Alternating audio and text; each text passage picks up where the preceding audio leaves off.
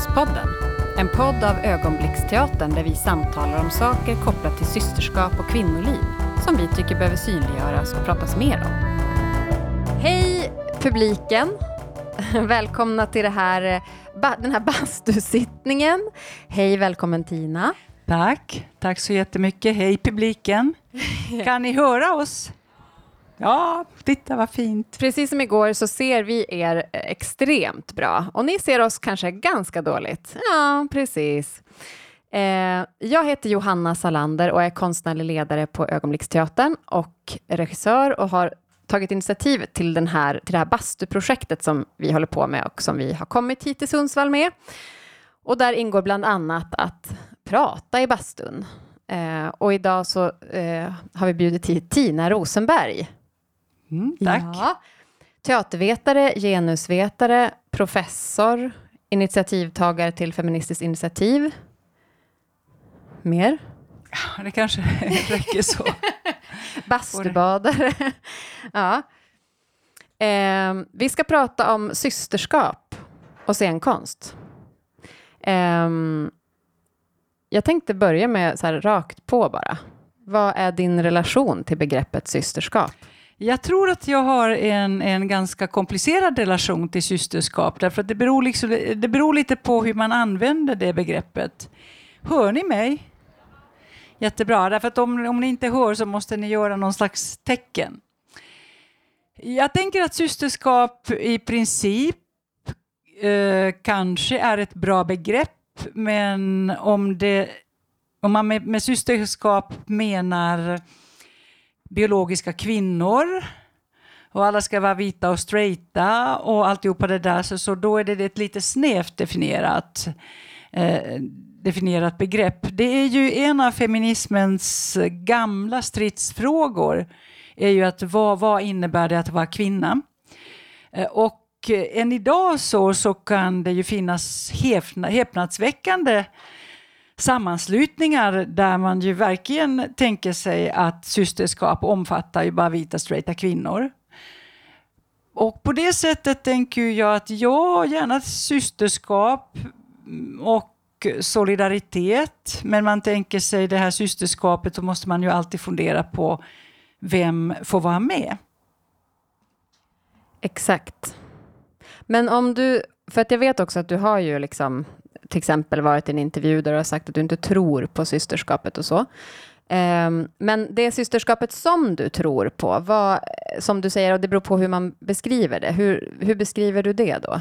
Jag tänker det är säkert mycket vi har sagt, eller jag har sagt i olika intervjuer. Alltså systerskapet ur ett sånt här naivt ett naivt perspektiv är ju, är ju svårt. Kanske solidaritet är ett be bättre begrepp, men man tänker sig ja, vilka ska denna solidaritet då omfatta? Jag tror att oavsett vilka ord vi använder så är det alltid knöligt. Så det är alltid, alltid en, en, en, definitions, en definitionsfråga. Så jag tänker kanske att det feministiska systerskapet omfattar dem, eller låt mig backa lite. Jag tänker att feminismen eller feminismer som intresserar mig är mer en fråga om en politisk förståelse av kön än kvinnor i någon slags biologisk bemärkelse. Sen förstår jag också att det handlar om kvinnor och, och att det är också en viktig fråga. Men det finns otroligt reaktionära kvinnor. Det finns kvinnor av, av olika slag så att alltid, vi hamnar alltid i de här diskussionerna. Ska vi tala om jämställdhet? Så vissa saker som kan vara bra för den rent numerära, kvantitativa jämställdheten, alltså antalet kvinnor och män, innebär inte med nödvändighet att det är ett framsteg för feminismen. Det vill säga kvinnor i militären eller kvinnor i alla olika slags bolagsstyrelser och så vidare. Det är ju ett framsteg för jämställdheten, inte nödvändighet ett framsteg för feminismen, lite beroende på, på vilken ideologisk mark man står. Det kan också vara en bra sak, jag säger inte att det är dåligt. Men, men, men den, de ideologiska frågorna kommer ju alltid in. Och jag tänker, jag tänker att jag är, ju ofta, jag är ju ofta i sammanhang där man då talar sig varmt för olika slags kvinnofrågor, vilket jag också tycker är viktigt. Sen kommer ju Marine Le Pen och de konservativa kvinnorna och de fascistiska kvinnorna. Precis som det finns otäcka hbtq-personer som ställer upp på, på olika slags märkliga politiska rörelser. Så man, man får hålla lite grann de här sakerna isär. Kvinnor menar vi då biologiska kvinnor och vissa typer av rättigheter som är knutna till biologiskt kön. Jämställdhet som inte är med nödvändigheten samma, eh, samma sak som feminism. Feminism är mer ideologiskt betonad mm. förståelse av kön. Medan jämställdhet handlar på svenska, eftersom det är ett specif specifikt begrepp eh, på svenska som handlar om kön. Medan jämlikhet är den bredare förståelsen eh, av olika slags orättvisor och hur de hänger ihop och vad man ska göra åt dem. Och, och det, där är ju de, eh, det, det, där är kniviga frågor och då tror jag att alltid när vi talar om de sakerna så det bästa är att vi definierar dem och ja. säger vad, vad menar jag med detta? Ja, men jag tänker, för nu är det mycket också att eh, liksom systerskap som någon sorts eh, indelning i en grupp. Men om jag tänker på systerskap som ett görande, Ja. Liksom som en systerskap, eh, som en praktik och som oavsett eh, liksom, kön och kategorisering så, så är det någonting som går att, att liksom, eh, praktisera. Skulle du kunna Ja, absolut. Formulera, liksom, vad tänker du ja. då att det skulle kunna innebära? Vad är en systerskapande praktik? Alltså de som, som definierar sig som systrar och som vill ställa upp på de ideologiska premisserna som, som ställs Eh, det är den typen av systerskap. Mm. Men, men en slags allmän kvinnosysterskap som på något sätt eh, omfattar alla utan någon slags ideologiskt filter. Om du förstår vad jag menar? Jag förstår verkligen. Därför att då kommer vi in på det här med högern och fascisterna och alltihopa det där. Och vi ser ju idag till exempel, det, det såg vi ju redan eh, när de högerpopulistiska partierna började visa sitt fula tryne. Inte så att fascismen och, och högerpopulismen har varit frånvarande, men i dess nya form och med de nya generationerna så började man plötsligt tala om, att Sverigedemokraterna har talat om det, men också de övriga partierna i det, i det övriga Europa har börjat tala om att jo, men vi är för kvinnorna, underförstått, vi är emot muslimer.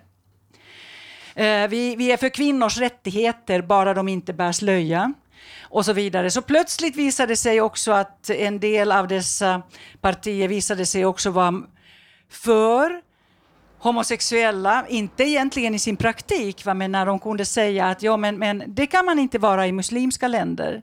Och det senaste den här veckan som har hänt nu i Österrike har varit att man har antagit samma lag som Frankrike har, att uh, man inte får bära slöja. Det vill säga man ska inte visa synliga tecken på religiös tillhörighet. Men strängt taget sliter man ju inte korsen. Alltså om du bär nej, ett kors runt, ditt, eh, runt, din hals, man liksom sliter inte bort den, men, men det här, den riktas specifikt mot den muslimska mm. befolkningen. Man behöver inte tycka om slöja i det här fallet, eller hijab eller olika, olika former av tydliga religiösa symboler. Jag är icke-troende, jag är en gammal ateist eller så. Men nu är det liksom frågan ställs ju på ett annat, på ett annat sätt. Är det här någonting som bör förbjudas? Eller är det så att högerpopulister som har hijackat, helt enkelt kidnappat vissa till synes jämställda eh, föresatser. Jo, vi är för kvinnors rättigheter därför att det här är tydligen kvinnoförtryck. Alltså det är ett tydligt eh, uttryck för kvinnoförtryck. Alltså är vi för kvinnors rättigheter under de premisserna att eh, muslimer inte får finnas med eller någonting annat. Du vet, det här blir ju plötsligt otroligt komplicerat, men det kan också bli ett otroligt naivt, naivt politiskt projekt måste jag säga. Men om man tänker på systerskap som liksom eh, mikrohandlingar eller liksom på en, eh, ja, men på en liten handlingsnivå. Alltså hur, hur kan en använda sig av ett systerskap eller ett systerskapande praktik liksom, i en grupp på tre? Skulle ja, du säga. Ja, absolut. Kan, liksom... ja, absolut att stötta varandra på olika sätt, att ställa upp på varandra. Man kan ha en liten grupp på tre, absolut. Mm. Och, och förstå också det könsspecifika i olika former av förtryck. Mm. Men som mer handlar om så här, bekräftande, peppande, eh, synliggöra, eh, stödja andra kamper, alliera sig, Ja. den typen av... ja, ja, Men, men då är jag helt med. Ja, Då är jag helt ja. med. Nej, men för jag tänker att i det här projektet så är det ju det, det systerskapet som vi på något sätt undersöker, men där vi också har tillsammans med forskare från Umeå centrum för genusstudier så går det liksom också någon sorts skiljelinje där det är så här, ja men ett systerskap som ett väninneskap eller liksom mer som ett sätt att eh, skapa relation eller liksom, eh, ja, men beteenden som, och förmågor som vi lär oss väldigt tidigt och liksom hur vi på något sätt ganska snabbt skapar någon sorts förtrolig relation till varandra. Eh, eller ska det, för att det ska kallas systerskap, ska det vara till en politisk handling? Mm. Ehm, och jag tänker att det är lite olika sätt att se på det, liksom i mikroperspektiv eller... Ja, ja, jo, absolut, absolut. Och sen är det framför allt det att det är en jättebra sak. Solidariskt, eh, solidariska sammanslutningar av kvinnor som på olika sätt, eh, olika sätt vill stötta och understödja varann och ser också det stora globala perspektivet, så då, då är jag ju absolut med. Ja. Men sen är det ju att det finns, eh, det finns en slags kvinnoromantik som jag tycker är svårartad. Alltså kvinnor är goda per definition, ja, ja. kvinnor är födda eh, goda, kvinnor eh, ägnar sig åt goda handlingar och, och kvinnor på alla sätt och vis är, är bättre än människor av något annat biologiskt kön. Alltså det, den typen av biologisering är ju svårt. Ja, såklart. Men eh, har du, eh, skulle du säga att du har eh, utövat systerskap eh, det senaste? Ja, det, det tycker jag. Vill, vill du specificera? Ja, alltså jag tänker framför allt, vi diskuterade i morse, hade vi ett seminarium som handlade om hbtq-personers teaterutbildning. Eh, och det kanske liksom är lite mer queert systerskap, va? men eh, vi talade också om att på utbildningarna försvinner vissa perspektiv, alltså det vi skulle kalla för genusperspektiv eller feministiska perspektiv eller antirasistiska Ja. eller queera perspektiv, så fort en lärare inte finns på plats. Och samma gäller ju teatrar också, att, att i en viss teaterverksamhet kanske det finns väldigt mycket den typen av förståelse. Och så byts medarbetarna ut. ja. Så jag tänker, ja kanske eh, på en slags mikronivå, jag med människor som jag, eh, som jag känner. ja. Senast idag, att peppa någon så som, som har en, haft en karriärutveckling som kanske inte var, var hen, i det här fallet Ja. hon, hade tänkt sig. ja.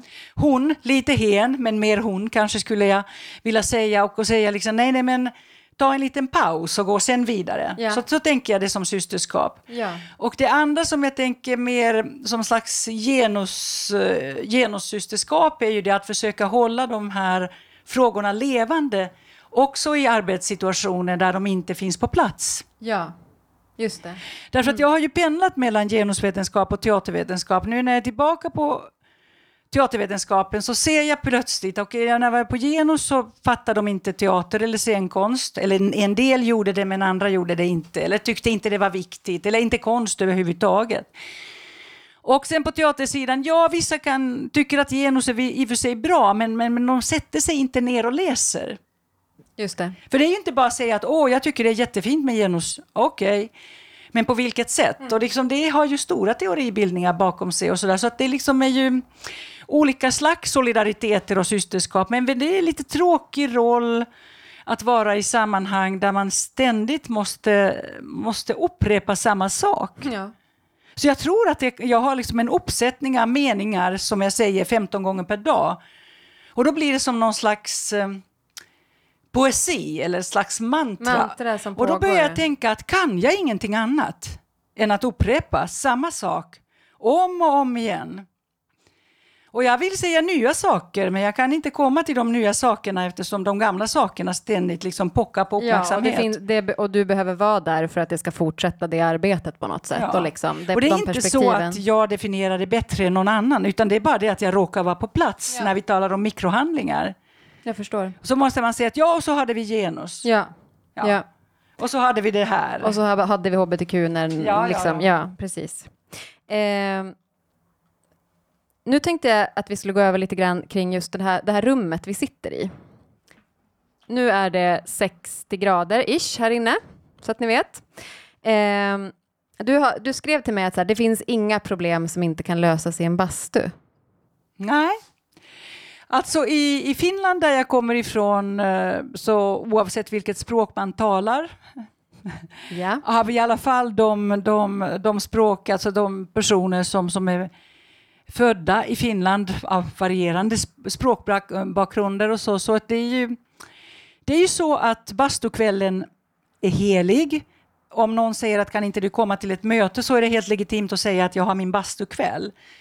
Så att man tänker sig att allting man kan snacka, umgås, koppla av, man blir frisk ifrån, mirakulöst blir man frisk från alla sjukdomar. Och, eh, och sen ger det ju en, en, en paus där man ju egentligen strängt taget ju inte kan göra någonting annat än att vara i det. Nej. Nu har vi bara 60 grader. I Finland börjar man basta vid 80. Så att då får man ju värma upp till 80 och, Och sen sen, mellan in. 80 och 100. Ja. Ja. Mm. ja, vi hade 100 här igår, det var olidligt. Men, eh, Ja. ja. Men det här med 60 går ju jättebra. ja, vi kan ju flytta upp, då blir det också varmare. Ja. Ja. Men ehm, har du några så här, eh, särskilda minnen kopplade till bastu som är sådär eh, starka? Ja, alltså jag tänker mig, tänker mig ja, naturligtvis barndomsminnen, bastu och sjö. Alltså bastu på torran land. Jag har aldrig tidigare suttit i en bastu så här mitt i en stad. Alltså förstås om det är en, en, en, en, en simhall eller inne på något hotell, men liksom sådär på öppet torg så måste jag säga att jag har liksom inte suttit i en bastu så här. Så det är någonting nytt.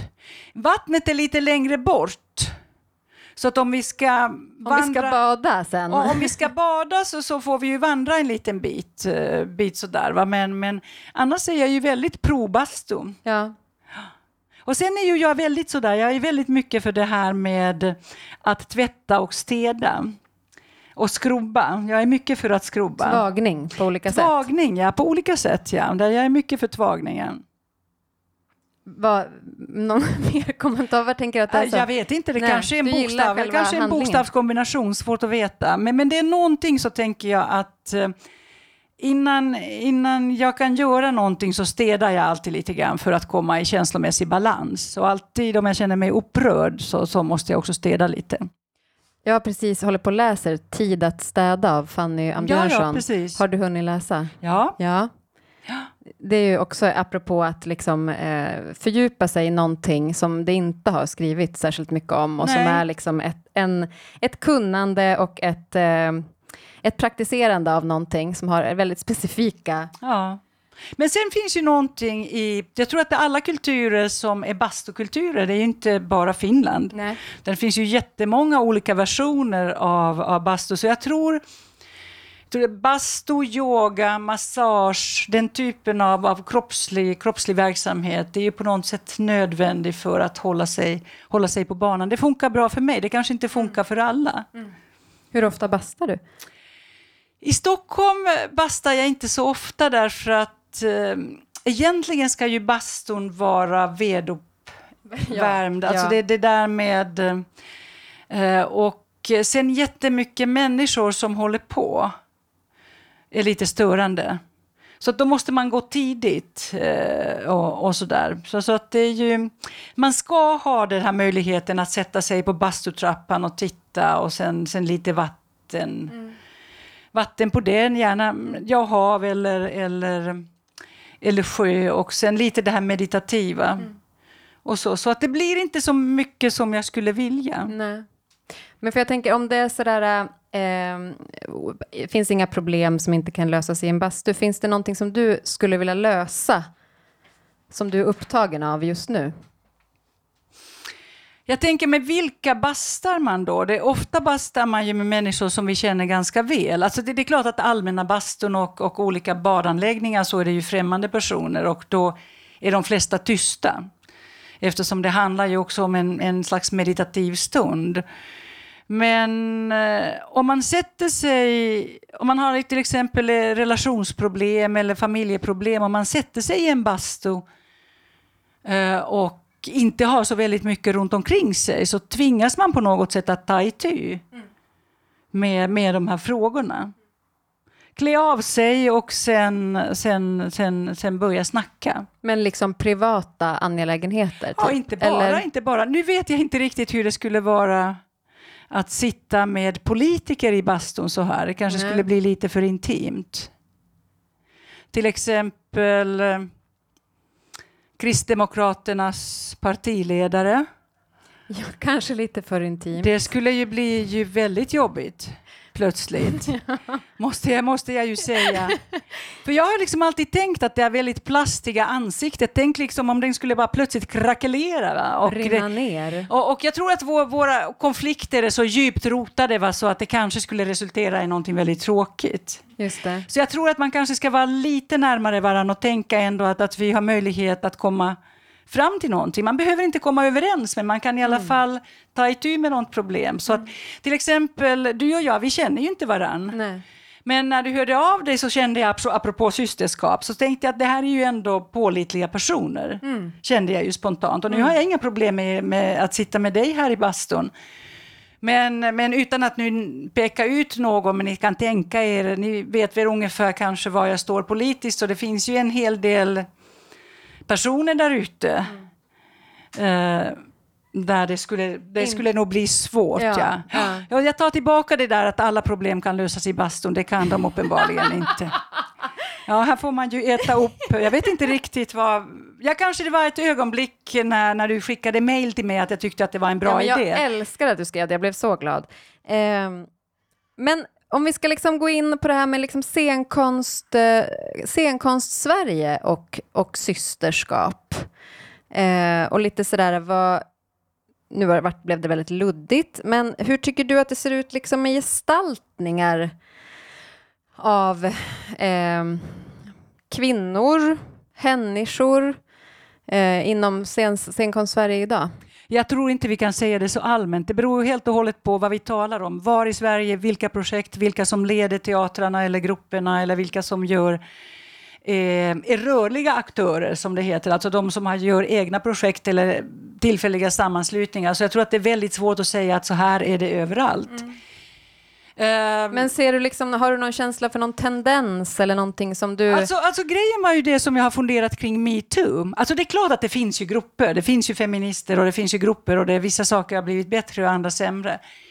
Men jag tänkte väldigt mycket, men jag har tänkt mycket på det här med metoo och det skulle vara intressant också att veta vad ni där borta på andra sidan tänker. För jag tänkte, var metoo en grej för arbetsmiljön för att det ska vara uthärdligt och icke våldsamt att arbeta i en struktur som i sig inte förändras. Hänger ni med? Att man tänker, låt oss nu ta Dramaten, jag vill inte bara ta Dramaten, men jag tar i alla fall det. Bara liksom att arbetsförhållandena blir drägliga, man inte blir våldtagen på jobbet. Förändrar ju liksom inte Dramaten, varken repertoarmässigt eller som struktur. Och då tänker jag att ju, det, det är klart att det är ju bättre att man inte behöver ha säkerhetsvakter eller att man inte blir mobbad eller man inte blir utsatt för sexuella trakasserier eller för sexuellt våld. Och då ska jag säga då att den feministiska definitionen av våldsbegreppet är väldigt brett. Det är inte så att du liksom Måste går och slår, Nej, inte utan det är det symboliska våldet, det är språkbruk, det är, det är olika typer av härskartekniker och sådär. Så, så att det är ju, det feministiska definitionen av våldet är ju väldigt, väldigt brett. Och jag har ju tänkt mycket på det att jo, men det är klart att det är ju en, en väldigt bra sak om man kan ändra sin arbetsmiljö. Och då finns en stilla förhoppning om att det blir bättre sen.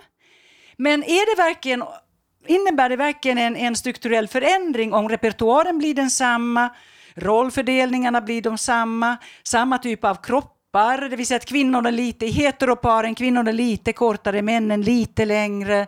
Är alla vita nu? Eh, hostade ju liksom Dramaten fram lite annan typ av, av, av personal också. Jag talar inte enbart Dramaten, men jag tar liksom upp ett, Nej, men och vilka processer, hur jobbar, Ja. hur, vilken typ av Precis. metoder används? Så, så att vissa, vissa typer av välmenande jämställdhetsåtgärder är ju naturligtvis ett bra steg. Men, men det handlar om, om det handlar om, om, men när det handlar om att göra den struktur möjlig att överleva i, eller om det handlar också att man vill ha en strukturell förändring. Det tror jag nog att vi måste tänka på. Att man har liksom samma repertoar och så har man samma struktur. Men sen har man lite hyggligare och lite mindre våldsamma eh, medarbetare. Ja. Är det någon, eh, ska vi släppa in publik nu då? Ja, det tänker jag. Eh, ja, tummen upp säger Hanna. Det finns en mikrofon där ute. Vi lärde oss av igår, för då fick publiken gå fram och knacka på rutan för att vi skulle höra vad de sa. Eh, vi pratade, jag ska också säga, vi pratade precis om det här igår, apropå liksom eh, att jobba i andra sammanhang och ja. processer som ju då är liksom fri, frigruppsvärlden många gånger. Ja. Liksom. Jag skulle jättegärna, ni får ju ställa vilka frågor ni vill, men jag är lite nyfiken på vad ni gillar, alltså vad ni har att säga om metoos efter, efter, eftermäle. Nazim är ju liksom där igång, ja. ser jag. Varsågod. Va? Vem jag? Ja. Eh, jo, eh, jag tänker att det som det som jag hoppades på skulle hända med metoo, eh, hela liksom, tystnadtagning och som var ju superfantastiskt, eh, det var ju att en skulle se över vilka arbetsplatser är det där det här är möjligt. Och liksom jobba med dem, men också lyfta fram där de exempel där det faktiskt inte aldrig har hänt. För att vi är ju jättemånga som inte har de här problemen. Eh, vi är supermånga fria grupper som jobbar feministiskt, som jobbar queert, som liksom håller på med något helt annat än det där. Um, och jag, jag kommer ihåg att det var någon idé som kom upp om att regissörer till exempel skulle bli certifierade. Ja, jag tänkte också på det. Uh, och jag är regissör och det är så här, men vad i helvete? Det här har jag hållit på med hela mitt yrkesliv. Att komma bort från det där och så ska jag bli certifierad. Um, så, så att jag hade ju hoppats på att så här, ja, nu kommer skiten bara rasa. Alltså så, att vi kollar över våra institutioner och ser att det här är inte hållbart. Men tyvärr så har det ju, eh, för det första så är det ju tydligt att det kanske inte har hänt så himla mycket. Men att just också att de är fortfarande alltså subjektet hela tiden. Det är fortfarande, nu är det fokus på institutionerna igen och de är förjävliga, men de får ännu mer resurser då att ordna upp sin skit. Um, ja, så det är liksom en stor besvikelse. Ursäkta att jag svor så himla mycket. Nej, men jag har varit på bara andra kommentera seminarier. det, därför att eh, eftersom strukturen blir ju densamma, eller hur? Alltså man, man städar ju upp, men själva strukturen producerar ju ändå samma sorts repertoar och samma sorts grej. Och det har du ju skrivit själv om också i olika sammanhang. Um, både på DNs kultursida och det ena med det andra därför att det, liksom, det är ju själva strukturen att folk blir förhoppningsvis något hyggligare mot varann. Ja, men jag tänker också där att så, det finns, precis som du säger Nassim, det finns ju exempel på när liksom chefs, eh, organisationerna ser annorlunda ut. Där de är liksom, och att ta då, okej, okay, men vad är det som gör att det fungerar här? Vi har tre konstnärliga ledare med olika erfarenheter som drar in olika saker. Vi har konstnärliga råd, vi har kanske andra typer av arbetsprocesser, vi jobbar med residens. Det finns ju en massa sätt att liksom släppa in för att liksom, liksom inifrån förändra huset. Ja, för vad hjälper det att byta ut en chef mot en annan chef? Samma typ av hierar hierarki, samma struktur. Ingenting kommer ju hända, såklart. Hej, eh, vi går det sista året på Teaterhögskolan i Stockholm. Ja. Och det vi har märkt lite, jag har aldrig varit på biennalen förut, inte Madeleine heller. Um, och det vi har märkt lite är att det finns strukturer även här.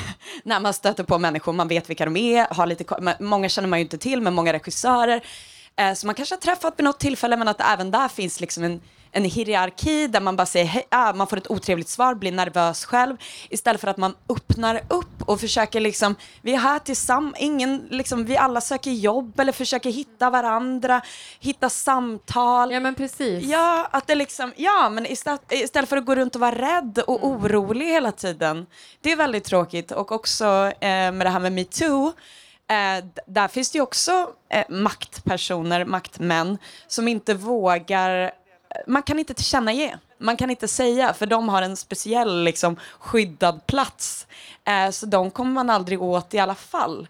Så samtalet, öppenheten, dela med sig, även om kanske inte namngivning, I don't know, men, men liksom, eh, vi måste bli snällare tror jag, faktiskt.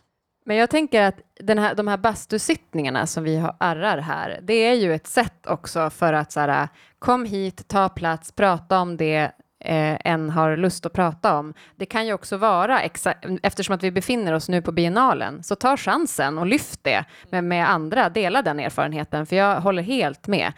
Sen tänker jag att det finns ju, vad det gäller det där så görs det, jag tänker så här, kan vi hitta metoder då för att det inte ska kännas som att så här, jag är här och måste söka jobb och liksom i den här underordningen, liksom. som, som det här med speed dating som har varit ett sätt att försöka hitta mötesplatser där liksom andra sätt att, att kunna få jobb och liksom verkligen berätta och få tid för att berätta om sin idé. Men ja.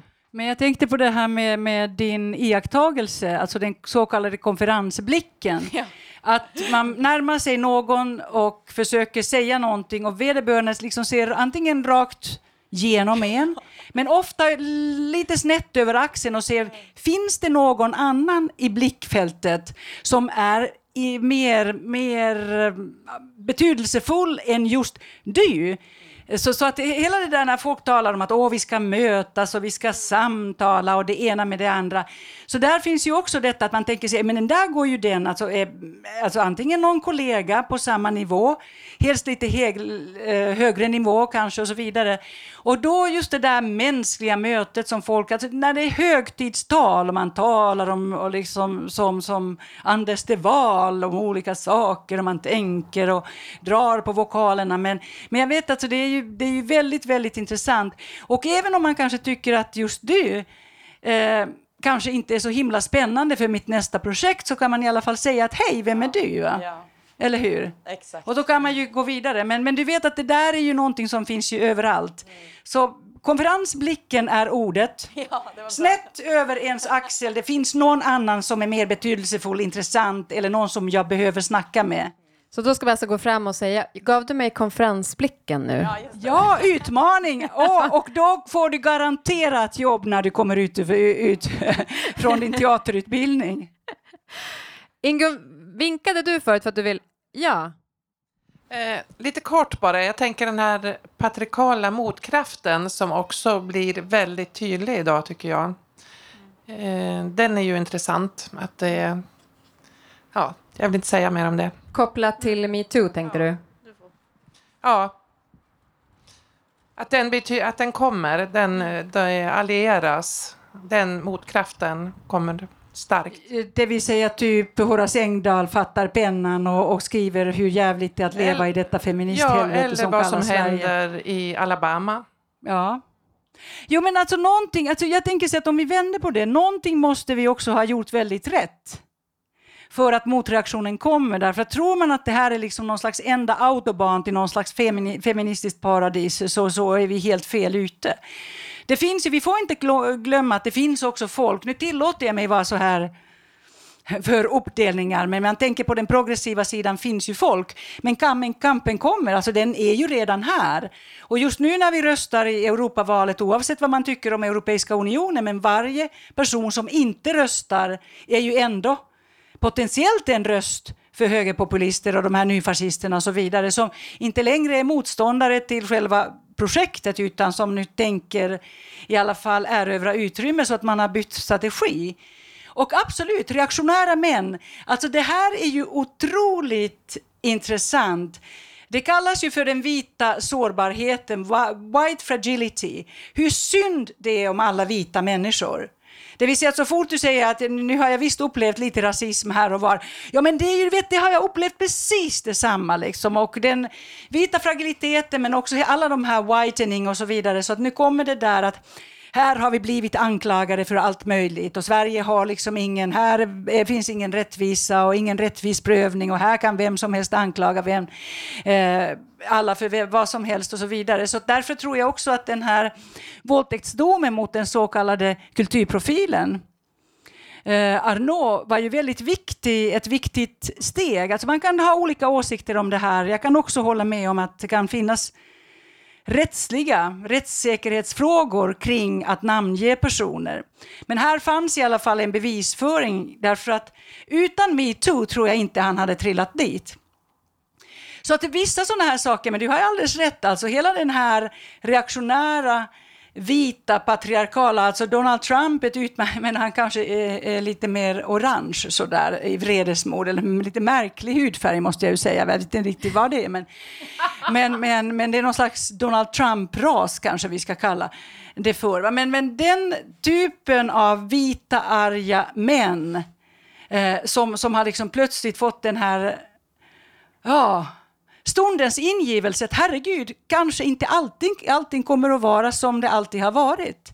Sen får vi inte glömma, alltså det, det som ju är framförallt för de som intresserar sig för den delen av politik som handlar eventuellt om det som förr i världen kallades för arbetarklass och nu vet jag inte vad det finns för omskrivningar, eufemismer för detta, men, men i alla fall att, att eh, mycket av den icke-privilegierade delen av, eh, av en slags vit underklass eh, som icke bekräftad och icke sedd har ju också haft väldigt ödesdigra konsekvenser på, på olika sätt. Så att, alltså att det, det är ju liksom ett politiskt läge där man måste ju, måste ju tänka, tänka väldigt smart för framtiden. Men folk röstar ju inte med hjärnan, de röstar ju med hjärtat och med känslorna. Det som låter bra är bra även om det skulle vara helt uppåt väggarna. Så det är liksom den här affektiva, emotionella politiken som, som ger väldigt många en känsla av upprättelse. Det är vad vi håller på att eh, bevittna,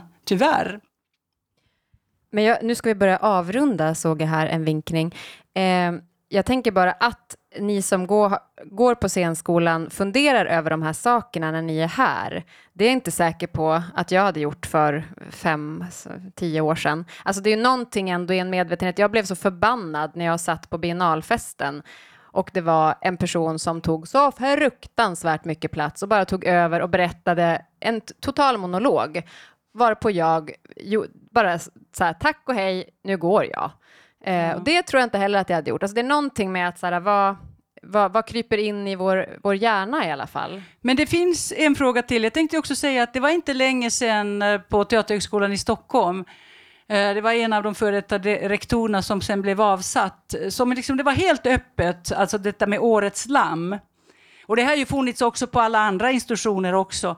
Alltså den intet ont anande unga skådespelarstudentskan som kommer och blir liksom vid eh, första festen, akta er för fester överhuvudtaget, förutom förstås sådana här feministfester som Nazim har ordnat här. Men, men, och, och då visste ju alla som hade varit på skolan att det finns en som kommer att trilla dit så det bara visslar om det. Alldeles, alldeles, eh, alldeles eh, Eh, säkert händer det ju varje gång. Och varför jag talar om detta, nämligen vi, vi skulle göra ett forskningsprojekt. Vi fixade pengar, det skulle handla om genus och utbildningen på Teaterhögskolan. Det här var ju före att gestalta kön, det här är liksom way back, eh, way back alltså på 25 eh, år sedan. Va? Eh, men, men det, då skulle vi börja med sådana här jämställdhetssteg och så var det liksom en tjej som fick pengarna och så sa att nej, men jag vill inte alls hålla på med någon jämställdhet utan jag ska göra någon språkanalys och då blev då invinkad under den första festen när terminen skulle, skulle sparkas igång av rektorn. Eh, och också, ja, eh, hade, rektorn hade sex med henne, det var kanske ömsesidigt och så vidare. Och det var ju liksom det som, som alltid hände. Men även i de allra lugnaste vattnen, man tänker sig, den, hon hade i alla fall haft vett för sig. Och vad som hände med den tjejen var det att hon blev sedan föraktad av allt och alla. För alla visste. Och det här fick pågå, jag säger det här som ett exempel och hade inte jag haft ett exempel som jag vet om det bara hade varit hörsägen så är det var ju också så att, att under väldigt lång period fick inga kritiska röster höras eh, på många teaterutbildningar och, och eh, fick man inte heller riktigt skriva om de här sakerna därför att då bröt man på något sätt mot den lojalitet och de lojalitetskrav som fanns. Så att det är inte bara lite händer här och var utan det är också då att när Årets lamm skulle trilla dit alla de som hade varit med om förr visste vad det innebär och de, ingen varnade eller någonting annat utan den här känslan att underskatta aldrig känslan av att bli bekräftad och flörtad med och alltihopa det där att någon, man tänker att någon ser mig. Och så ser man liksom inte riktigt det här andra. Det är ett gräsligt uppvaknande, men jag tänkte att där i hörnet fanns det en fråga till. Uh, bakom Nazim var det en fråga till. Nej, det var Hanna som vinkade och sa Ah, okej, nu det är klockan Hanna. jätte, jättemycket. Klockan är jättemycket, vi får inte tala med. Hej då! Tack för att ni kom! Tack, tack, tack. Hej då! Nu är det 50 grader, lite, lite, Bara 50. bara 50. Ja, fint. Tack, tack. Tack, tack.